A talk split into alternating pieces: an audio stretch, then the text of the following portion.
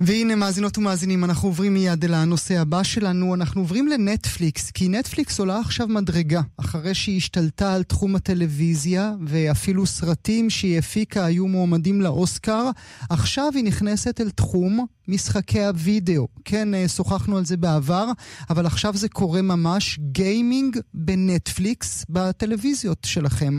אנחנו ביקשנו מהדוקטור חנן גזית, חוקר גיימינג ומרצה על חשיבה משחקית והתנהגות משתמשים במטאוורס, שיבדוק, ישחק, יחזור עם תוצאות ויסביר.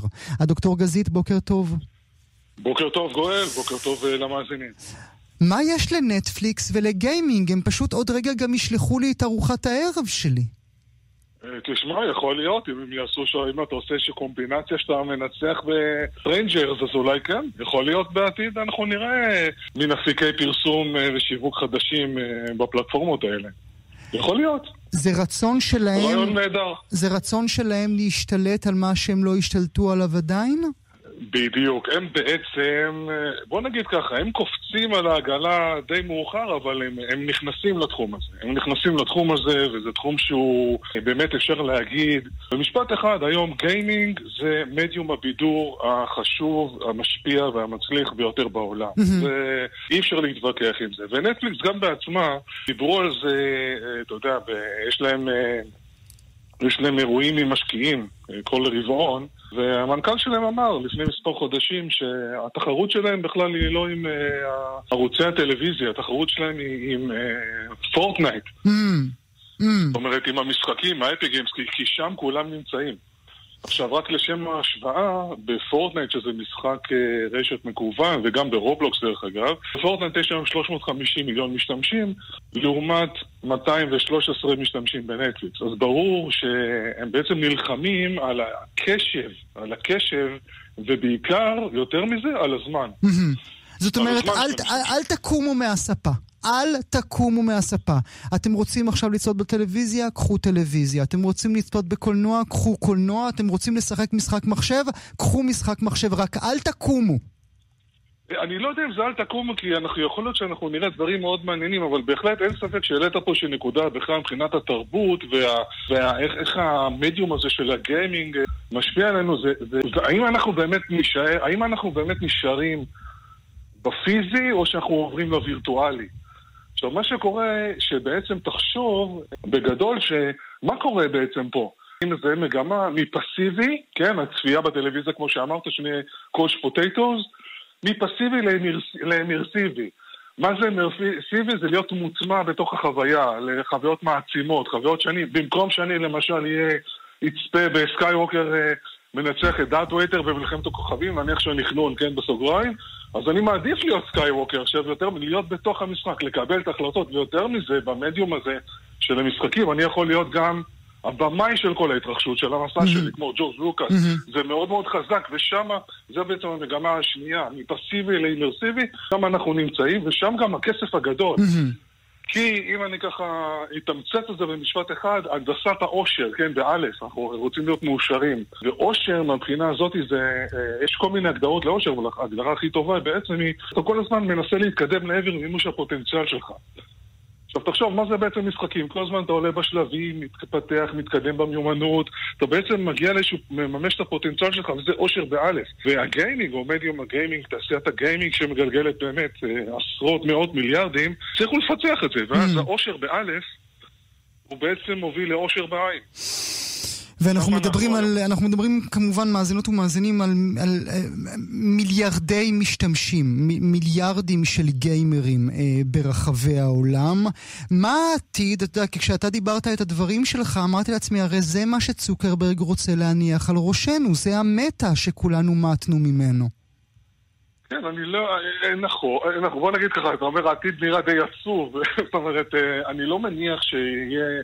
מטאוורס או עולמות וירטואליים אה, שהוא יהיה רק בלעדיים ופייסבוק, גם פייסבוק נכנסה לזה ויש לה מתחרים מאוד רציניים. אני לא מאמין שהם יהיו הבלעדיים ויש הרבה מאוד סוגיות אתיות ותרבותיות mm-hmm. בנוגע לזה וגם לגבי זכויות הפרט, וכמובן, אני לא רוצה להיות בתוך עולם וירטואלי ש... שהקונגלומרט התאגיד אה, שולט בו. אני לא רוצה להיות ב Ready Player One, מי שמכיר את הסרט ואת את הספר הנפלא של ארנסט קליין. אני לא רוצה להיות שם. אבל מצד שני, מגמה השלישית, באמת אם דיברנו קודם על ה... מפסיבי ל immersive, ואם דיברנו על שגיימינג זה כאילו המדיום השולט, בכלל, מה שאנחנו נראה לדעתי בשנים הקרובות זה convergence, זאת אומרת, זה התמזגות של עולם הגיימינג, מדיום הגיימינג, מדיום הטלוויזיה והמדיום של המטאוורס. אנחנו נראה התמזגות של זה, convergence של זה. והחברות, בוא נגיד ככה, החברות הגדולות, שיצליחו לעשות את המיזוגים הנכונים, ויש הרבה מאוד חברות שעכשיו מתחרות על ה attention שלנו ועל הקשר ממ-הממ, שלנו, ממ-הממ. מנטפליקס, פייסבוק, או שעכשיו מטא, כמו שאמרת, יש לנו את אמזון גיימינג, יש לנו את גוגל שיצאו היום הכרזה שהם הולכים על לפתח עולם וירטואלי במציאות רבודה. מדהים, מדהים. בקיצור, אנחנו צריכים לשקול את צעדינו ואת uh, הזמן שאנחנו משקיעים בצורה, בצורה, אה, איך אומרים, קצת אחרת, כי המדיום הזה הולך להשתנות. אז אחרי שנתנו את כל הרקע הזה ואת כל ההסברים, גם הפילוסופיים וגם העכשוויים ממש, איך המשחקים של נטפליקס? תראה, אני אגיד רק עוד משפט אחד שככה היה לי חשוב להגיד, אנחנו גם עוברים לעידן של יוצרים, יוצרי תוכן, וגם המשחקים וגם יוצרי התוכן, זה ככה הדבר. עכשיו לגבי המשחקים עצמם, אתה נכנס לאנדרואיד, זה זמין בעברית, חמישה משחקים, את האמת, די, די אה, ברמה מאוד מאוד גבוהה. יש לך אה, אה, משחקים שמבוססים על הסדרה אה, Stranger, עוד משחקים כאלה די מזכירים את אה, שנות ה-80, 70, זה, זה לא... הם לא ברמה גבוהה. אין פה... אה, משהו יוצא דופן, כמובן זה רק סנונית ראשונה. Mm-hmm. אני מניח שיהיו... אבל, אבל, כאן, אבל, אבל כאן תן לי לומר לך, אני האדיוט, לך המומחה, אה, זה לא בשבילך.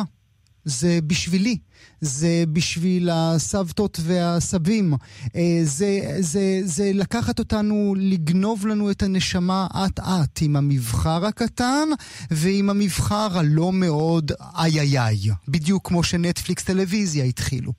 תשמע, אני חושב שאתה אה, ממש, אתה ממש צודק, אני אגיד לך גם למה. אה, עצם זה שהמשחקים, הנגישות שלהם די פשוטה. אתה משתמש ב...